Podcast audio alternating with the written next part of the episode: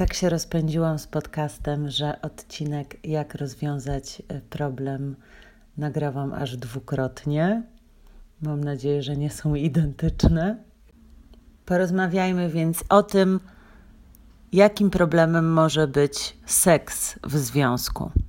Przede wszystkim chciałabym podkreślić, że w wielu parach występuje taki problem, że jedna strona pary chciałaby tego seksu więcej i wbrew pozorom nie zawsze jest to mężczyzna. Bardzo często tą osobą, która cierpi z powodu zbyt małej ilości seksu, jest kobieta.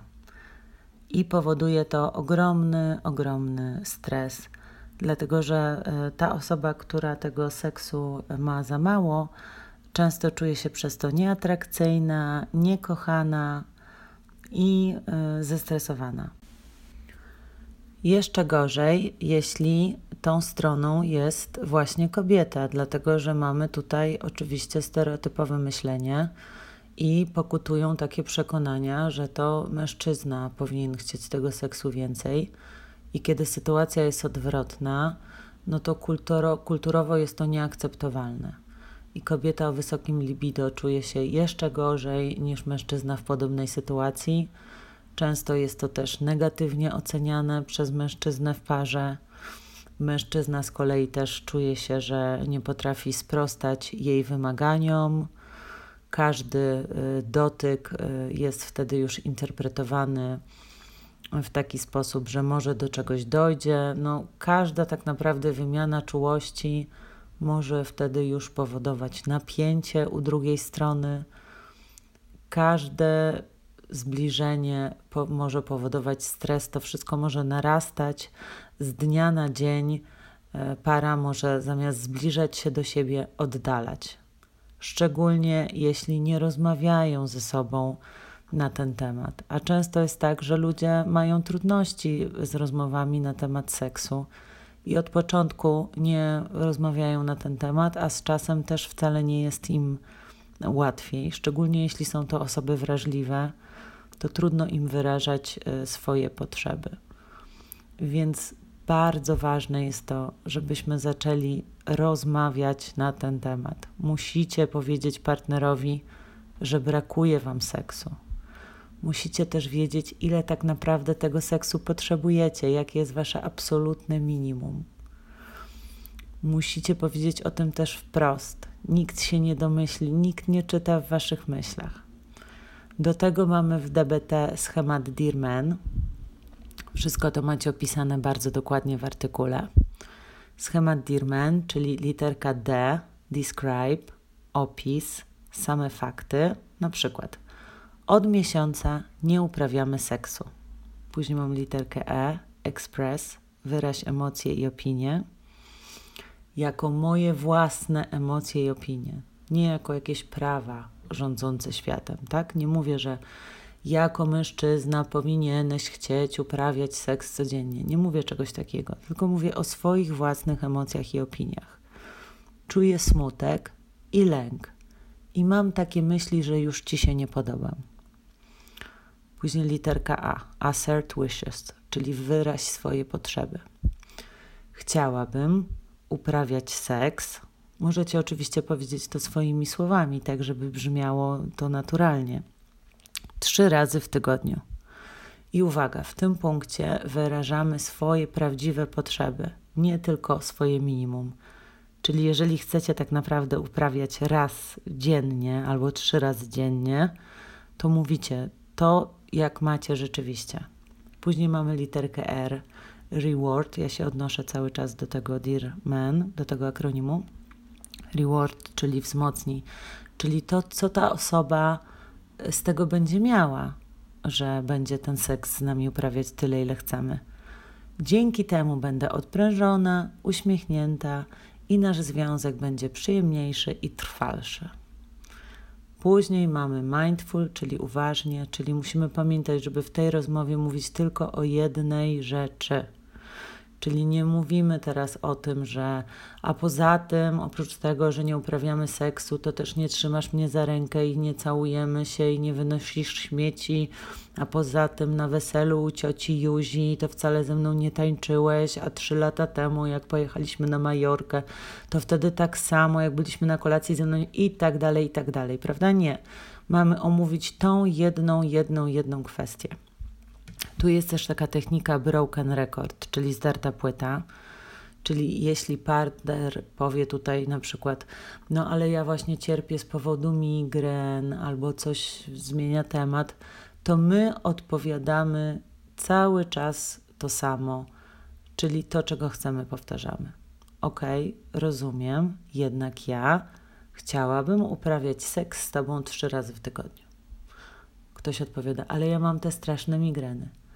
Rozumiem i przykro mi, jednak ja potrzebuję uprawiać seks z Tobą trzy razy w tygodniu. Ale ja nie daję rady z tymi wszystkimi obowiązkami w domu. Rozumiem i przykro mi, jednak chciałabym uprawiać seks z Tobą trzy razy w tygodniu. I wiercimy dziurę w brzuchu. Taka to jest technika zdartej płyty. Następnie mamy literkę A, appear confident, czyli wydawaj się pewna siebie jeżeli już się decyduje, że chcę porozmawiać o tym seksie, że chcę tego seksu wymagać, że jest to dla mnie ważna wartość, którą chcę realizować w tym związku, to muszę wydawać się pewna siebie. W środku mogę drżeć jak galaretka. Mogę uważać cokolwiek, mogę mieć wątpliwości. Może nie powinnam o to prosić. On przecież faktycznie ma te migreny. Może nie powinnam się czepiać. Mamy małe dziecko, mamy tyle obowiązków Nieważne, jeżeli zdecydowałam się o to prosić, jeżeli już tą rozmowę przeprowadzam, na zewnątrz nie pokazuję tego, mam prawo do swoich potrzeb i mam prawo o nie prosić. Taką mam mowę ciała, patrzę się w oczy, nie patrzę się gdzieś w podłogę, mówię pewnym tonem głosu. I na końcu mamy literkę N negocjujemy. I tutaj właśnie możemy zmniejszyć prośbę, tak? Czyli jeżeli na początku prosiłam o seks trzy razy w tygodniu, no to tutaj właśnie mogę zejść na przykład, że to w takim razie chociaż raz w tygodniu. Albo mogę coś dać w zamian. Czyli na przykład może oddajmy dziecko w sobotę do babci i wtedy uprawiajmy seks. Um, czyli negocjujemy, jeżeli e, wcześniejsze techniki nie działają, jeżeli zdarta płyta nie działa, albo widzimy, że rozmowa zmierza donikąd, no to wtedy jesteśmy gotowi dawać, by, do, by dostawać, tak? Jesteśmy gotowi negocjować. A jeżeli nic już nie działa, jeżeli widzimy, że ta rozmowa zmierza totalnie donikąd, jeżeli widzimy, że nic nie jesteśmy w stanie uzyskać, to wtedy pytamy: OK, to co proponujesz, że zrobimy? Odwracamy sytuację do drugiej osoby. Taką rozmowę często trzeba przeprowadzać kilka razy. Ten partner z niższym libido, albo jeśli ma jakieś problemy z unikaniem, czy jakiekolwiek inne, może zupełnie nie rozumieć, dlaczego ten seks jest dla nas ważny.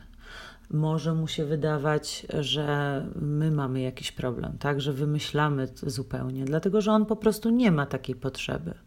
Często kobiety słyszą w takiej sytuacji, że nie da się ciebie zaspokoić. Jednak trzeba pamiętać, że mężczyzna z powodu tych stereotypów kulturowych, taka informacja, że tego seksu jest za mało, często może dotknąć. Dzięki rozpisaniu sobie tego schematu y, rozmowy, zmniejszamy to ryzyko, prawda? Bo mówimy o swoich potrzebach, a nie mówimy, że mężczyzna to powinien, albo że ciocia Krysia to uprawia seks bez przerwy, albo nasza koleżanka ko i inne koleżanki to opowiadają właśnie i tak dalej, prawda? Więc jakby mm, nie porównujemy naszego partnera z innymi, więc w ten sposób nie umniejszamy go. Nie mówimy o tym, że on jest beznadziejny.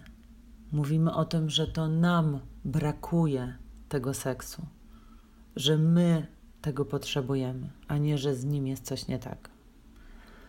Jeżeli kilka takich rozmów nie odniosło żadnego skutku, możemy zrobić kolejny krok, czyli dodajemy do wzmocnienia. Pamiętamy nasze wzmocnienie, że dzięki temu nasz związek będzie lepszy. Mm, ale jeżeli to wzmocnienie nie odnosi żadnego skutku, no to możemy dodać karę, ale robimy to w ostateczności, dlatego że wiemy, że kary są nieskuteczne. No i taka kara to może być coś takiego. Jeśli nic się nie zmieni w naszym związku pod względem seksu, to przestanę gotować, nie będę sprzątać w domu, nie wiem, czy dam radę być wierna, będę musiała się z Tobą rozstać. Czyli wtedy wygląda to tak. Od trzech miesięcy rozmawiamy o tym, że nie uprawiamy seksu. Czuję smutek i lęk. I mam takie myśli, że już ci się nie podobam i że moje potrzeby nie są dla ciebie ważne. Chciałabym uprawiać seks trzy razy w tygodniu. Dzięki temu będę odprężona, uśmiechnięta i nasz związek będzie przyjemniejszy i trwalszy.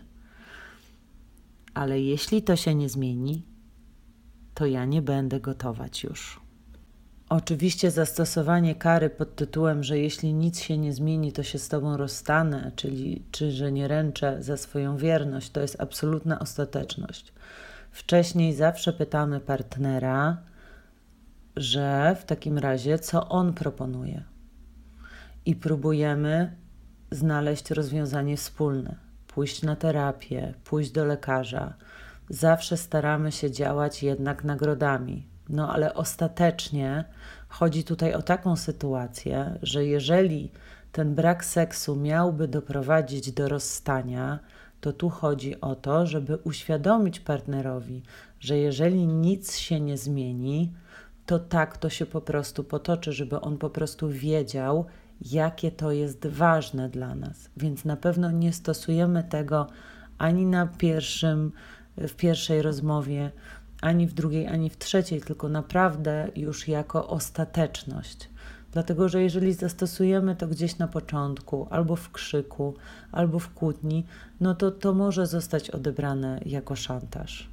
Takie rzeczy stosujemy jako ostateczność po bardzo długiej już pracy nad tym i poszukaniu rozwiązań. Często jest tak, że partner uzna nasze potrzeby i seks wraca na swoje tory mniej lub bardziej i jest ok.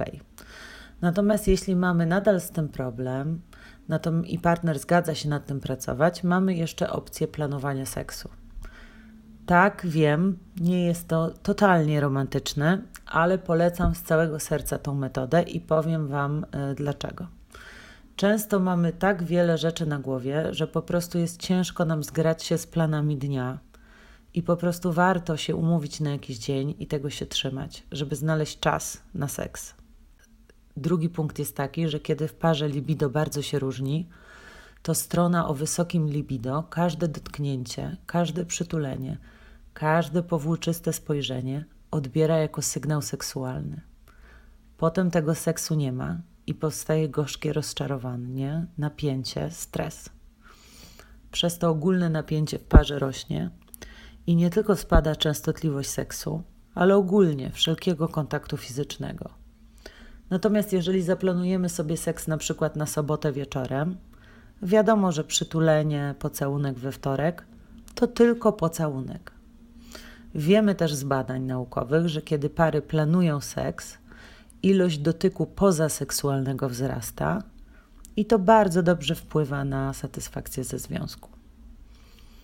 Jeśli inne rzeczy w naszym związku są ok, to naprawdę warto pomyśleć konkretnie, jak rozwiązać wspólnie problem różnych potrzeb seksualnych.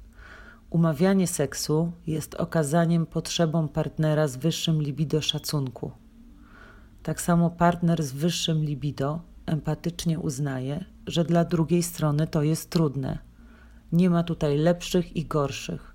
Wszyscy są tak samo godni szacunku i każdego potrzeby są tak samo ważne. Na początek możecie zacząć od ogólnego planowania, na przykład w każdy weekend, kiedy dzieci zasną. Jednak kiedy to nie wyjdzie, warto ustalić konkretną godzinę i oddać dzieci do babci. Jeżeli to nie zadziała, skorzystajcie z pomocy terapeuty seksualnego. Być może musicie zaplanować to stopniowo i uzyskać profesjonalne wsparcie. Jeśli nadal uważacie, że to słaby pomysł, pomyślcie o konsekwencjach. Co jest gorsze? Planowanie seksu, czy nieszczęśliwy partner i może nawet rozstanie? Chciałabym przypomnieć, że związek to nie jest coś, co jest nam dane bez wysiłku.